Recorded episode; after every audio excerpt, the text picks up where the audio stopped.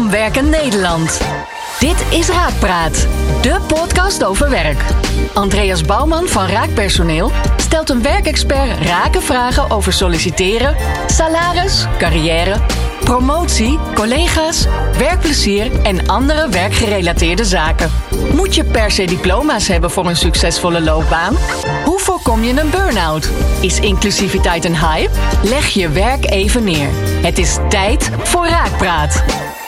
Mijn naam is Andres Bouwman en ik spreek vandaag met Louis Goulmy. Louis is uh, triatleet en maakt organisaties nog toffer om voor te werken. Ook is hij auteur van het boek Echte mannen werken vier dagen. Een intrigerende titel vind ik. Um, straks ga ik met deze heilige huisjeschopper hierover praten. Over deze onderwerpen. Maar als eerste vraag ik hem uh, de vraag die ik iedereen stel die hier kwam. Uh, Louis, wat wilde jij vroeger worden toen je wat uh, kleiner en jonger was? Ik zei altijd manager. Manager? ja. En waarom? Een goede vraag. Ik, uh, geen politieagent of brandweerman, maar ik dacht manager. Ik vond het wel leuk om een, een, een organisatie te leiden. Dat leek me heel gaaf. En wat leek je daar het leukst aan? Uh, het feit dat, je, dat managers niet zo hard hoeven te werken misschien? Of dat ze veel geld verdienen? Of dat je veel, ja, dat je veel macht hebt? Wat, wat uh, kan je nog terughalen wat je zo aansprak? Nou, nee, niet direct. Ik denk dat ik het gewoon heel leuk vind om een team bij elkaar te houden. Ja. En die verantwoordelijkheid en die, die opdracht leek me gewoon heel leuk. En dan heb je het over, want manager, dat bedenk je niet op de basisschool. Dan was je al wat ouder. Op de middelbare school hebben we het dan over, denk ik. Ja, op dat moment deed ik volgens mij ook uh, uh, trainingen, gaf ik trainingen bij jeugd. Mm -hmm. Daar was ik mee bezig om daar een diploma voor te halen. Met sport? Uh, Met sport ja, voetbal. Dus de, ja. En um, nou ja, manager is natuurlijk heel breed. Want manager heb je in allerlei soorten en maten. Uh, op een gegeven moment moest je een keuze maken van hey, welke richting ga ik uit? Wanneer ontstond er een gevoel van die richting qua studiekeuze wil ik op? Um, ik ben gezakt van mijn VWO in eerste instantie. Ja. En toen ben ik volwassen onderwijs gaan doen. Ik had geen zin om uh, nog het zesde jaar nog een keer over te doen. Uh, in dezelfde omgeving met de, nou, dezelfde docenten. De, de, men, de, de, studenten waarmee ik was natuurlijk. De scholieren die waren natuurlijk doorgaan. Ik was een van de weinigen die bleef. Maar toen ben ik volwassen onderwijs gaan doen. En toen dacht ik, hey, wat mis ik nou eigenlijk? En toen miste ik economie, zou zeggen. Dat vak ja. miste ik. Management control. ja, dat, management en organisatie heet dat volgens mij op de middelbare school. Dus ja, zodoende. Dus die heb ik ook nog erbij gedaan, volgens mij. Ik heb een paar vakken gedaan. Op, Extra gedaan op het VWO uiteindelijk? Ja, ja die, bij het volwassen onderwijs. Ja, ik zat er toch. Dus dan kon ik me beter even een paar vakken erbij doen om mijn lijst weer op te schonen. En waarom was je gezakt? Was je niet zo gemotiveerd? Of vond je het lastig om huiswerk te maken? Of was je eigenwijs van... Ik uh, doe het op mijn manier en dat bleek toch niet te werken. Nou, ik ben taalkundig niet zo sterk. Dus ik ben uiteindelijk gezakt op geschiedenis 1 met een 5,47 of zo. Dus nou ja, dat vond ik een afrondingsverschilletje. Ja. En op Nederlands of zo letterkunde. Ik weet het ook niet. Het ging over boeken. Nou ja, dat, uh, dat had niet mijn interesse. Had niet jouw interesse. Nee. Nu heb je, ben je bezig met het schrijven van een boek. Ja. ja. Uh, daar leg je, daar hadden we het net in het voorgesprek over, je laatste hand aan. Uh, dus zo kan het gaan in het leven. Um, ik zag op jouw LinkedIn profiel uh, de nogal prikkelende tekst dat je in 2016 volgens mij bij een gemeente werkt, als ik het goed heb. En daaronder stond zoiets als de regel. Nou, hierna besloot ik om nooit meer in loondienst te gaan. Nou, dat uh, trok wel even mijn, uh, mijn aandacht. Kun je dat wat toelichten? Ja, ik, ik merkte gewoon dat de aanwezigheidspremie, wat destijds zou ik zeggen nog wel de voorwaarde was voor loondienst, dat ik dat zo verschrikkelijk vond. Ik had altijd, ik, ja, ik, ik had baantjes gehad. Hè. Ik werkte bij een makelaar. S ochtends vaak bij een stratenmaker en dan smiddags bij de makelaar. Of s ochtends naar college en dan smiddags bij de makelaar. Ja. Um, dus het was, zou zeggen, niet mijn eerste baan. Maar ik vond de aanwezigheidspremie vond ik altijd heel erg. Ik wilde gewoon meters maken. Ik wilde gewoon resultaat boeken. Dat gaf mij voldoening. Ja, en op een gegeven moment liep ik daar zo tegenaan dat die structuur. En we hebben het in het voorgesprek er ook even over gehad. Hè, de, dat we een soort van, van beperkende structuur hebben waarin je uren moet maken. Kijk, ik kan me er iets bij voorstellen, aanwezigheidspremie. Ik heb ja, ook wel bij een bedrijf gezeten waar je echt gewoon eh, geacht werd tussen acht en half vijf er te zijn, altijd. En dat vond ik ook wel wat beknellend. Zeker omdat de taken ook heel uh, nauw omschreven waren en daar weinig autonomie in was. Mm Wat was het voor jou wat uh, in die tijd, ja, wat je beknellend vond of wat je vervelend vond aan die aanwezigheidspremie? Nou, het kwam niet overeen met mijn energieniveaus. Uh, ik schrijf het ook in mijn boek. Hè. Het is eigenlijk heel gek dat wij acht uur op een dag werken, of, of negen, om vier dagen vol te maken, of de Belgische variant tien. Ja. Um, terwijl uh, acht uur per dag is eigenlijk alleen maar bedacht omdat je dan een drie diensten, 24 uur dienst, kan, 24 uur de fabriek uh, draaiende kan houden. Dus dat is ook een soort van een reliquie vanuit het verleden. Um, dat één, dus ik, ik merkte gewoon, ik kakte in rond een uurtje of twee, drie. Mm -hmm. en, ik, en ik merkte ook bijvoorbeeld dat ik in de zomer had ik veel meer energie. Dus daar stond ik eerder op, was ik eerder paraat. Maar in de winter merkte ik, ja, pff, moet je me echt niet voor negen uur of half tien op kantoor verwachten. Ja. En dan kan het best zijn dat ik ook om uh, half drie gewoon echt al afgetaaid ben. Maar goed, dan kreeg je dus opmerking naar je hoofd toe. Uh, goedemiddag. Als je, Mhm. mm -hmm. als je dus om negen uur aankomt zetten of half tien. Of uh, oh, heb je nu al vakantie? Ah, Ja. nou goed, dat, nou goed, we, we hadden het in het voorgesprek een beetje over, over loonslaaf. Uh, dat is van de, wat ik vind een loonslaafcultuur. Dus, en ik wil, daar wilde ik uit. Dat vond ik heel beperkend. Want daarmee hou je eigenlijk je collega's tegen. Terwijl het niet gaat om dus wat je doet. Wat je voor elkaar krijgt.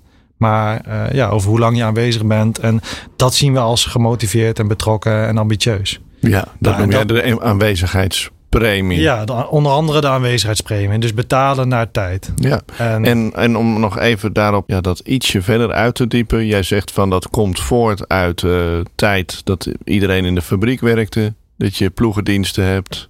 En dat je ja, drie keer acht is 24. En dat je zo je. Dat dat de meest efficiënte manier is om een fabriek te runnen. Denk ik dan. Ja, klopt. Ja, uh, Frederik Taylor, uh, bekend van Scientific Management, die, uh, die ging op, op zoek naar ja, goed, hoe kan je dat werk zo goed mogelijk inrichten. En Henry Ford is daar het meest bekende van, die dat Ja. toegepast heeft bij de autofabriek. En daar kwam, daar kwam eigenlijk drie keer acht vandaan. Want voor die tijd waren de werkdagen veel langer. Ja, Ford is een van de eerste geweest die de werkdagen heeft ingekort. Hè? De werkweek van 6 naar 5 en vervolgens van, ook van 12 uur naar uh, 10 uur naar 9 uur naar 8 uur. En die 40-urige werkweek, want ik kan me herinneren, kijk, mijn ouders zijn geboren uh, begin jaren 50. En zij hebben wel eens verteld dat ze vroeger volgens mij nog in het begin zelfs zes dagen naar school gingen, dan de zaterdagochtend. Die 40-urige werkweek, wanneer is dat zo'n beetje de norm geworden in, in Nederland? Weet je dat toevallig? Uh, ja, ja, niet exact, maar van rond de, in de jaren 60 ook rond de 60, 70 waarin dat uh, tot stand is gekomen. Ja. Want uh, voorheen was het inderdaad ook nog 48 uur, dat klopt inderdaad, ja. En Ja. no nog wel meer daarvoor natuurlijk.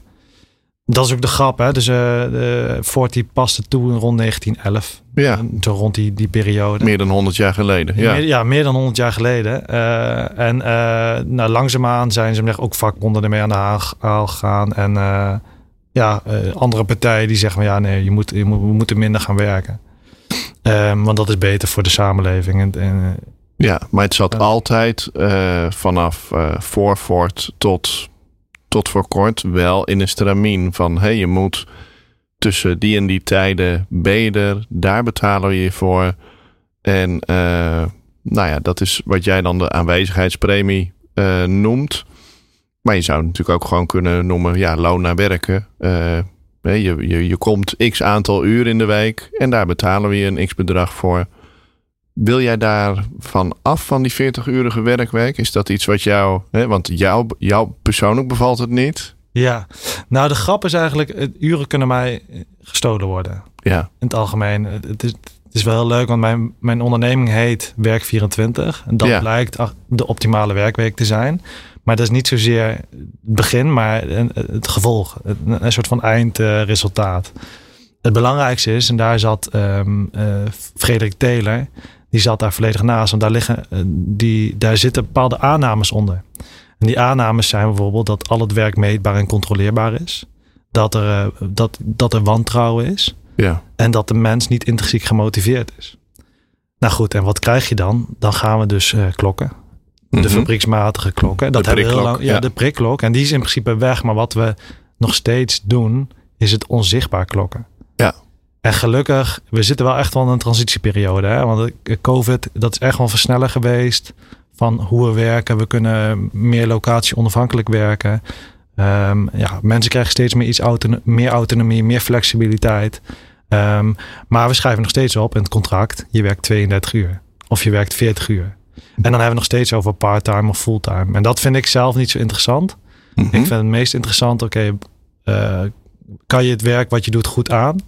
En als jij da- dagen maakt die on, ja, heel erg lang zijn, dan is er iets anders aan de hand. Ja, zou je daar eigenlijk helemaal van af willen van het aantal uur? Ehm, en in, in, ja, in hoeveel van de procent van de banen zou dat werken? Want er zijn natuurlijk nog steeds fabrieken, eh, er zijn nog steeds teams die samenwerken. Dus ik kan me ook voorstellen eh, dat als je een creatieveling bent en helemaal alleen eh, ja, je werktijden mag bepalen, dat dat prima kan werken. Maar voor een ander die in een groep werkt of die inderdaad in nog in een fabriek of in een loods of wat dan ook werkt, dat het weer een stuk lastiger is. Eh, ja en nee. Eh, er zijn beroepen waar bezetting belangrijk is. Hè? Dus dat- waar je gewoon wil dat er gewoon 24 uur bezetting is. Zorg. En misschien dat ook in de fabrieken zijn natuurlijk die gewoon continu draaien. Ehm, dan nog laten eh, heel wat onderzoeken zien dat als je mensen wat meer vrijheid geeft, dat het werk slimmer ingedeeld wordt. Ehm, en dat is ook wel het grap aan het be- betalen op basis van uur, is dat mensen zich te gaan, die, die, die vormen zich naar het systeem. Ja. En die passen hun werktempo aan.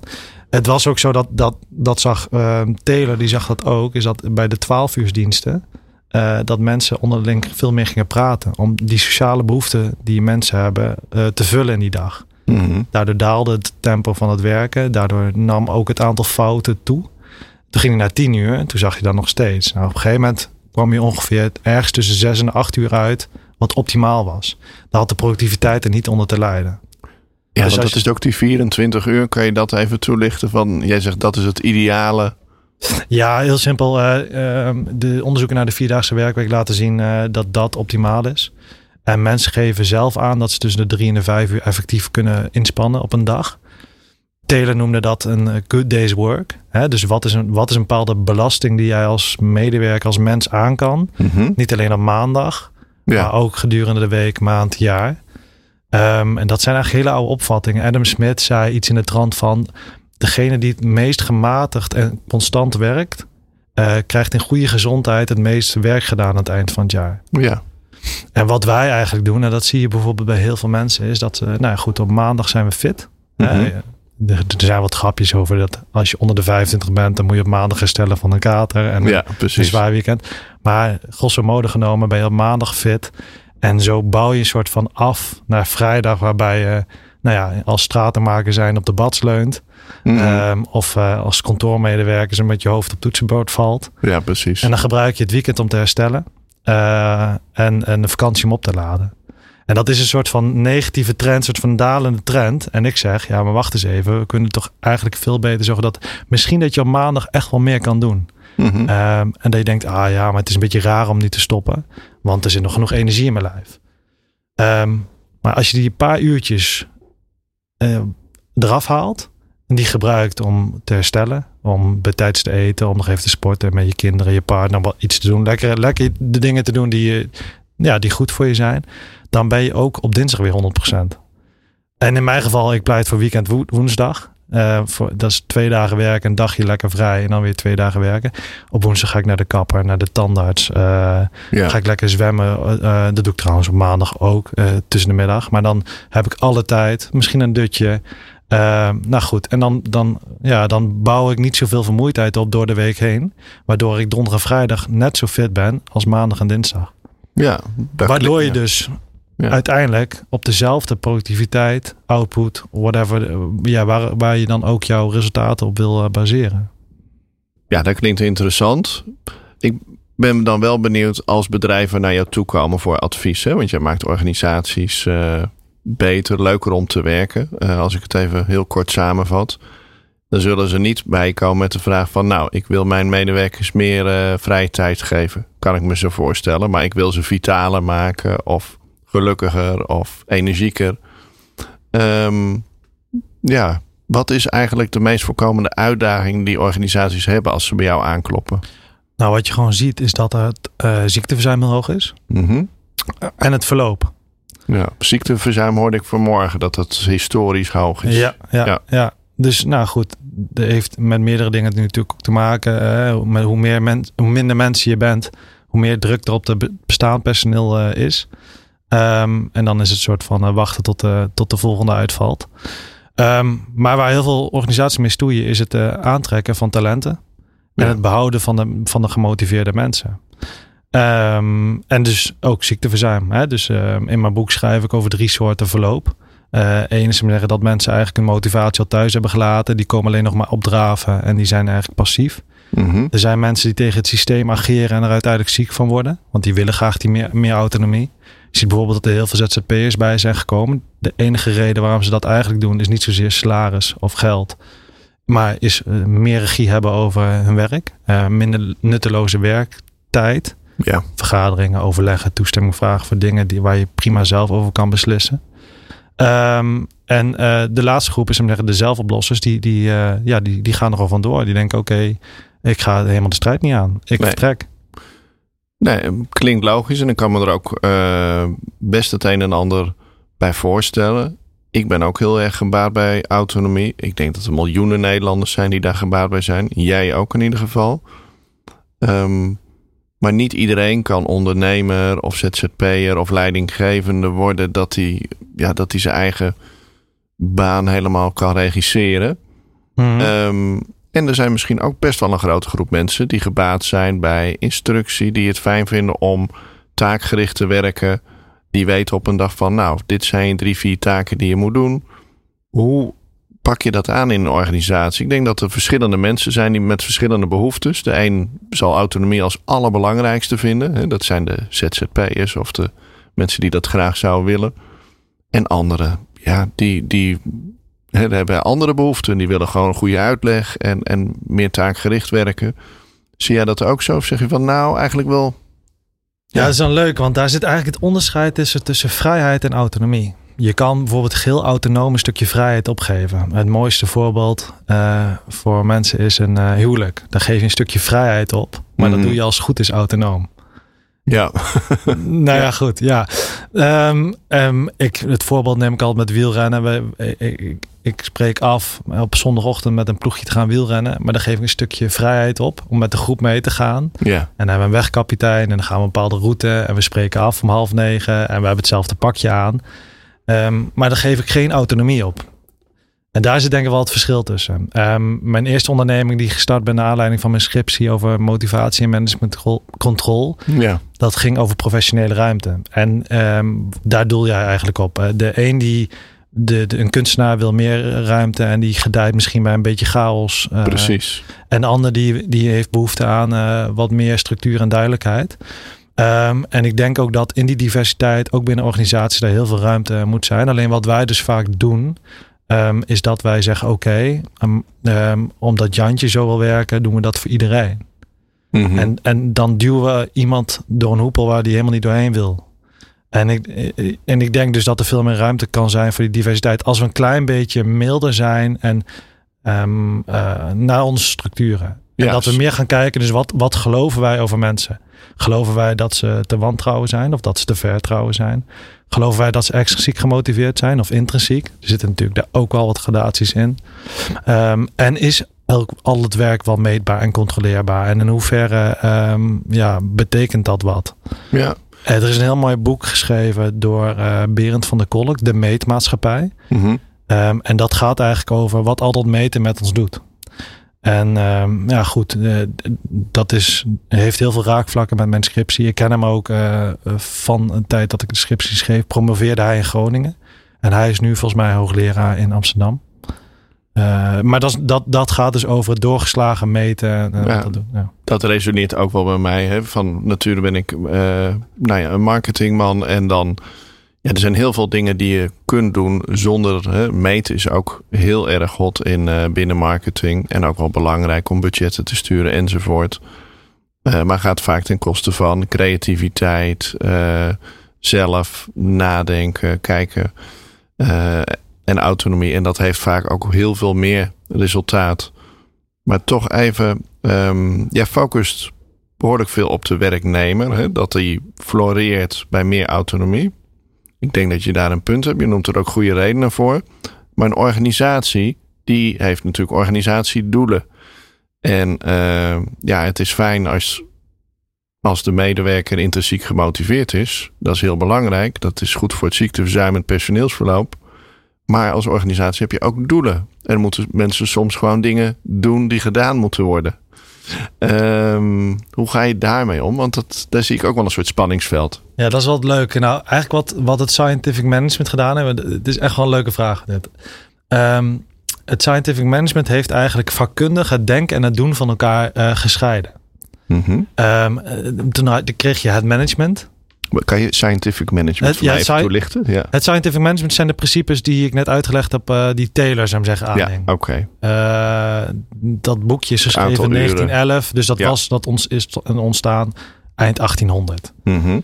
um, industrialisatie die daarmee op gang kwam. Nou goed, en uh, nou, dus ja. dat was een bepaalde kijk op werk, waardoor hoge mate van standaardisatie onder andere, nou de meetbaarheid, controleerbaarheid, maar ook dat personeel zeggen, moest doen en niet moest nadenken. En toen kreeg je het, de werkvloer.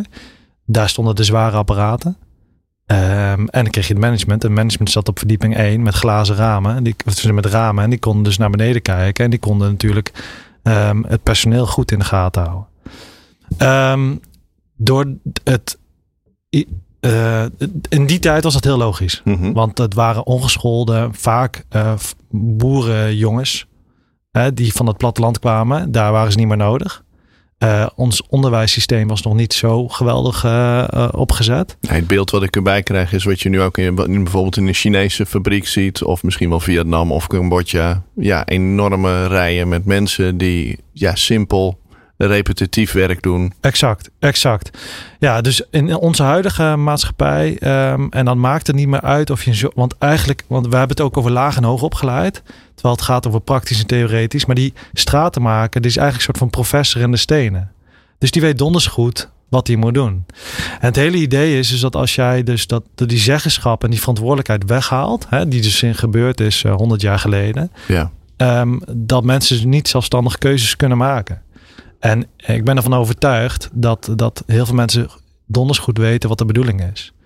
Um, en, en, wat de bedoeling van werk is. En je ziet ook mooie voorbeelden, bijvoorbeeld, als we even teruggaan naar die straten maken, is dat als hij een opdracht krijgt um, en hij houdt zich daar niet aan, omdat er een bepaalde, um, er moet een vak om een boom gemaakt worden. Ja. En maar de tekening staat iets anders. Nou, hij heeft hij drie keer heeft hij het op zijn eigen initiatief gedaan om het wel goed te doen. En, en dan krijgt hij te horen, jij moet niet denken, jij moet doen. En vervolgens zie je dus dat die boom dichtgestraald wordt en de vakken meter daarnaast gemaakt wordt. Ja, dat zijn, de, dat, zijn inderdaad de fouten als we te rigide aan de structuren vasthouden. En dan ga ik toch weer even advocaat van de duivel spelen. Ja, als jij, eh, stel dat die straatmaker voor de gemeente werkt. Ja, die wilde die ene straat binnen uh, drie dagen bestraat hebben.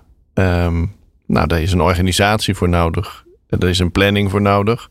En ja, leuk auto, hè, dat het een professor in de stenen is. Maar die straat moet wel binnen een bepaalde tijd uh, bestraat zijn. Uh, ja, dat klopt. En dus zijn er ook ondersteunende diensten. Hè? Dus dan ga je niet uit van uh, een top-down en hiërarchisch. Maar dan ga je dus ook, en dat van, misschien komen we daar gelijk terug op waarom ik manager wilde worden. Ja. Um, dan gaat het over ondersteunende en faciliterende diensten. En in de theorie wordt dat uh, uh, enabling control genoemd. Mm -hmm. uh, dus faciliteren komt dat. Ja. Tegenhanger daarvan is coercive control en dat is beperken wantrouwen. Dus die stratenmaker heeft die planner nodig. die zorgt voor de stenen, die zorgt nou goed voor genoeg ja. personeel en al die andere dingen. En de communicatie met de, met de medebewoners. In ieder geval de bewoners van de straat die straatmaker die kan een bepaalde hoeveelheid werk doen. Dus die kan zeggen of het, of het redelijk is dat hij die straat binnen drie dagen kan doen. En als hij lekker gas geeft en hij is dus bij tijds klaar, dat betekent niet dat hij nog ergens anders nog eens een keer 200 meter moet gaan leggen. Maar dat hij dan weet, oké, het motiveert mij enorm, in ieder geval in mijn geval ook, is dat als je lekker werkt, dus, dus gewoon even gas kan geven, dat je dan niet je acht uur moet maken, maar dat om het uiteindelijk de, het resultaat en de resultaatafspraak gaat. Maar dat is herkenbaar. Ik heb ooit uh, in mijn ja, studententijd, uh, ik studeerde weinig, maar ik werkte heel veel bij. uh, bij, de, bij de PTT toen nog gewerkt, bij de post. En dan hadden we als doel dat de post moest worden weggewerkt. En als dat klaar was, dan mocht je naar huis. En iedereen werkte daar keihard om op tijd. En dat was ook een hele goede werksfeer, moet ik zeggen om op tijd die post weg te krijgen. En dat, ja, de ene keer was dat precies op tijd, de andere keer hadden we een half uur te vroeg. En dan fietste hij naar huis met het gevoel van: hé, hey, ik krijg nu nog betaald. ja, uh, vrije tijd uh, motiveert enorm. Ja. Um, uh, dus dan gaat het helemaal niet om geld. Want uiteindelijk wil je gewoon aan het eind van de dag, maand, wil je gewoon een bepaald bedrag binnen hebben. Ja. Om je vaste lasten te betalen. Maar geld aan zich is gewoon een hele slechte motivator. Dat is een hele korte termijn motivator. Mooi. Ja. Um, en vrije tijd, uh, ja, des te meer. Dus als je wil dat mensen effectiever gaan werken, met alle voordelen van dingen, meer tijd voor gezin, partner en zichzelf. Dan denk ik bij mezelf, waarom pinnen, we, waarom pinnen we mensen dan vast op tijd of locatie. En daarom pleit ik ook in mijn boek voor asynchroon werken. En bij asynchroon werken koppel je, moet ik het even goed zeggen, werk los van tijd en tijd los van inkomen. Hmm. Ik, ik vind het wel even een doordenken hoor. Want ik snapte hem net nog wel van uh, met mijn voorbeeld van de PTT. En je dat geld een niet zo goede motivator is, die snap ik ook. Uh, maar je koppelt tijd los van geld. Dus je zegt van oké, okay, je stuurt dus op output. En wat was nou het tweede wat je zei? Je koppelt werk los van tijd. Mm -hmm. hè, dus die aanwezigheidspremie gaat eraf. Ja. En tijd los van inkomen. Ja, precies. Dus dan spreek je niet meer af 32 of 40 uur. Maar um, en het uitgangspunt is, en dat is het, het, dus het vertrekpunt. Uh, degene die de motivatiebrief schreef, schreef dat hij heel erg gemotiveerd was ergens om, om ergens te werken. En niet omdat hij daar geld ging verdienen. Ja. Want als je dat schrijft, ja, kom je gewoon werken omdat ik geld wil verdienen. De kans is dan heel groot dat ze, nou, dan hebben we liever iemand die intrinsiek gemotiveerd is. Ja. Dus als we dat nou als uitg uitgangspunt blijven houden, dan volgt resultaat vanzelf. En dus daar hoef je ook niet op te sturen. Dus het kan wel zijn dat, het, uh, dat je aan het eind van de week meet, als dat zou kunnen, uh, wat er gedaan is. Um, maar goed, in heel veel gevallen kan dat dus ook niet. Snap ik. Ik, uh, kijk, mij persoonlijk heb je wel overtuigd. Maar dan nog denk ik wel van. Je komt niet werk, ergens werken voor het geld, voor het salaris. Ja, dat, dat zal voor een groot deel van de mensen inderdaad zo gelden. Voor een bepaald deel zal het misschien wel gelden dat ze primair echt werken om gewoon de huur te betalen, vaste lasten, boodschappen.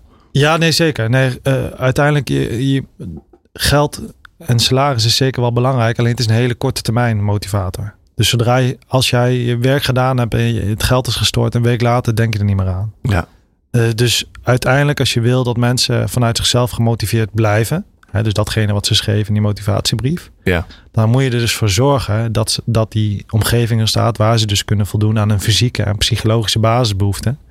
Um, en dus gaat kijken naar wat zijn nou echt de drijfveren. En puur alleen te denken van, nou, ik gooi er een muntje in en iemand die beweegt nog even een uurtje. Snap hem. Ja, want dat is even heel sterk gezegd wat we door de klokken doen. Ik begrijp het. Hey, um, ja, de, de podcast loopt alweer uh, op, zijn, uh, op zijn eind. We zijn uh, het half uur genaderd. En we hebben net een leuke foto gemaakt bij een, bij een schaatspak hier van tevoren. Ja, dus ja. ik wou het nog even met je hebben over, over jouw hobby. Um, je hebt triathlons gelopen, twee volgens mij. Ja, twee hele, een paar halve en redelijk wat uh, kwart uh, triathlons inderdaad, ja. En wat heb je geleerd van die toch wel loodzware uh, tocht, tochten? Ja, nou dat is, dat is, ik vind echt de metafoor met werk is best wel groot, vind ik zelf. Het gaat namelijk over hoe kan je jezelf duurzaam blijven inzetten en hoe zorg je ervoor dat je trainingsarbeid rendeert. Ja. Um, en de uitdaging bij een hele triathlon is eigenlijk om niet overtraind te raken. Dus dat je dus wel voldoende uh, rust pakt. Rust pakt, maar ook je omvang. Hè? Dus dat je voldoende langzame, lange trainingen doet om de, de trainingsduur uh, erin te krijgen. Um, en um, dat is gewoon ook, dat, daar, dat is gewoon belangrijk dat je ook luistert naar je fysieke gestel, maar ook je mentale gesteldheid. Uh, als je een keer geen zin hebt in een training, kan het zijn dat de vorige training te zwaar was. Ja. Dan kan je misschien fysiek wel toe zijn, maar mentaal nog niet. En die metaforen zie je vaak ook met, met werk. En op zo'n, als je een hele triathlon doet, is eigenlijk bizar. Ehm, ik, ik vind een halve zelf ook iets schappelijker. Uh, ook leuker, die kan je binnen vijf, zes uur doen. En dan, uh, nou goed, optimale werkdag. Uh, mm -hmm. maar een hele triathlon, dan put je jezelf echt al uit. En dan wat, is, je... ja, wat is jouw intrinsieke motivatie dan om, om jezelf lekker uit te putten? Nou kijk, ergens als we het even hebben over bijvoorbeeld een marathon. Ja. Bij de laatste twee kilometer van een marathon zeg je, nou, nu, nu moet ik er echt wel voor werken. En daar zit de, de, de uitdaging in. Maar ook uh, een ingrediënt dat heel belangrijk is. En dat kan bij werk, of bij eigenlijk het bakken van taart, of waar je het dan ook hebt, um, is effort, moeite. Mm -hmm. Dus ergens voor moeten werken kan ook heel veel voldoening geven. Alleen als dat week in, week uit. Als jij week in, week uit een marathon moet lopen. En nou ja, goed, met, met de rusttijd die na, daarna volgt en de spierpijn, is dat niet zo gezond. Um, dus het is voor mij ook een soort van uitdaging om dat zo duurzaam mogelijk te doen. Ja. Voor mijn lijf, voor mijn geest. Combinatie met mijn werk uh, en thuissituatie. Um, en het plezier aan te ontlenen. Um, en dat doe ik. En daar, dat is ook de reden waarom ik doe. En dan heb je één keer in de zoveel tijd. De laatste die ik heb gedaan is vorig jaar, uh, mm-hmm. augustus. Dat was uh, een hele triathlon. Nou, daarvoor was corona. Heb ik eigenlijk niet aan triathlon gedaan. Maar ik heb wel ervoor getraind. En af en toe een clandestine, gewoon met vrienden uh, in de buurt. Uh, en de, degene daarvoor was vijf jaar. Dus, dus het is maar zeggen niet dat ik dat jaarlijks uh, een hele triathlon doe.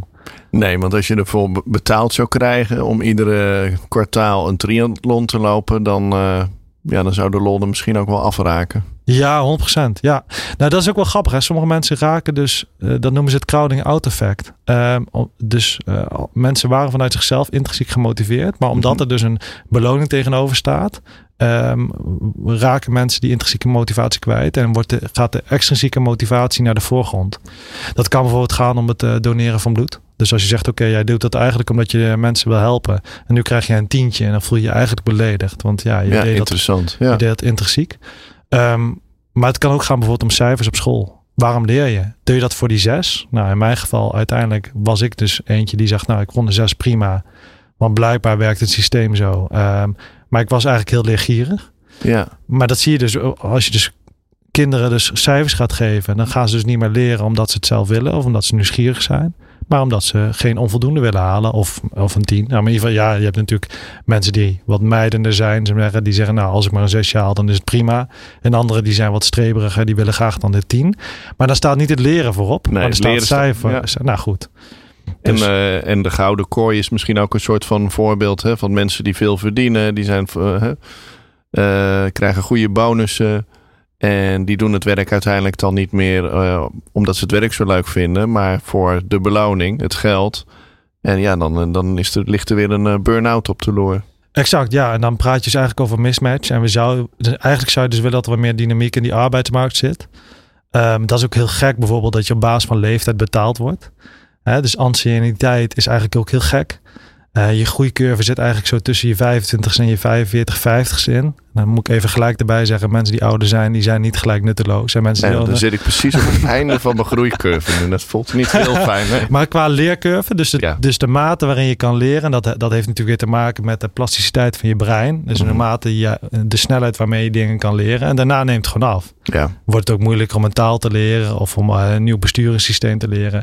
Maar het is heel gek dat je, dat je dan alleen maar een soort van stijgende lijn, omdat je 20 jaar ergens werkt of 22 jaar, maar dat we dus niet gaan kijken wat de toegevoegde waarde is. En dat, daardoor kan het ook zijn dat bijvoorbeeld vooral jonge mensen zeggen van ja, maar wacht eens even, ik ga niet tien jaar wachten nee. om uh, aan deze organisatie om die, om die anciëniteit op te bouwen. Hè? Dus die, die, die leeftijdsduur. En uh, nou ja, goed, dat vind ik bijvoorbeeld ook een hele rare maatstaf. Dus je wil ook echt vooral ervoor pleiten om uh, het werk ook relevant en uitdagend en boeiend te houden. En ik denk dat dat ook een goede manier is voor dat personeelsbehoud. Exact, ja, ja.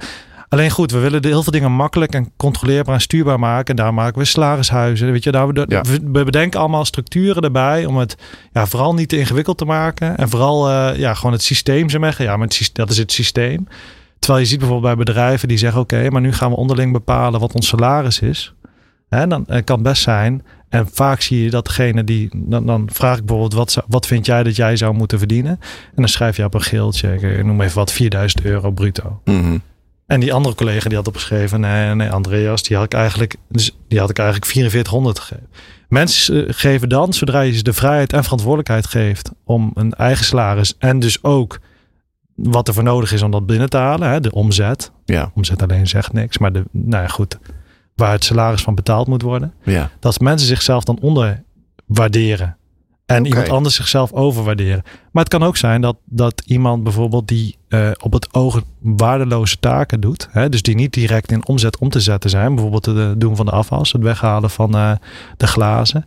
Kantoor opruimen, omdat de rest hem al gepeerd is. Of eh, ja, dat niet zo belangrijk vindt. Dat mensen dat heel erg waarderen. Dus dan ga je weer belonen op basis van eh, toegevoegde waarde in een organisatie. En dat is dus niet alleen zullen zeggen, de bakstenen, de keiharde euro's, maar misschien ook het cement en het water en het zand wat erin zit. Nou, dat, eh, ja, ik hang aan je lippen, dus ik vind het zeer interessant, eh, Louis. Maar ja, we moeten er wel een beetje een einde aan, aan breien aan dit verhaal. Ik zou je wel alvast graag willen uitnodigen om een keer op een ander onderwerp ja, verder door te praten. Want ik vind het hartstikke interessant. Is er een onderwerp ehm, wat je nog gemist hebt, wat je zegt van nou, ehm, ja, daar wil ik het nog over hebben. Ehm, Nou, misschien is dat voor de volgende keer. Ik kan zo niet iets eh, bedenken waar ik het eh, over zou willen hebben. Uiteindelijk gaat het om, de meeste mensen willen gewoon lekker werken. ja. Dat is mijn uitgangspunt. En dan, de vraag is dan, hoe kan je zo'n organisatie inrichten om dat eh, voor elkaar te krijgen? En ja, goed, daar kan je hele dagen over praten. En het Zeker mooiste is natuurlijk ja. gewoon om, om te prikkelen. En dat we die overtuigingen een keer tegen het licht aanhouden. Ik vond het een heel prikkelend eh, gesprek en ik wens jou eh, enorm veel werkgeluk toe. Dankjewel. Bedankt voor het luisteren naar Raakpraat.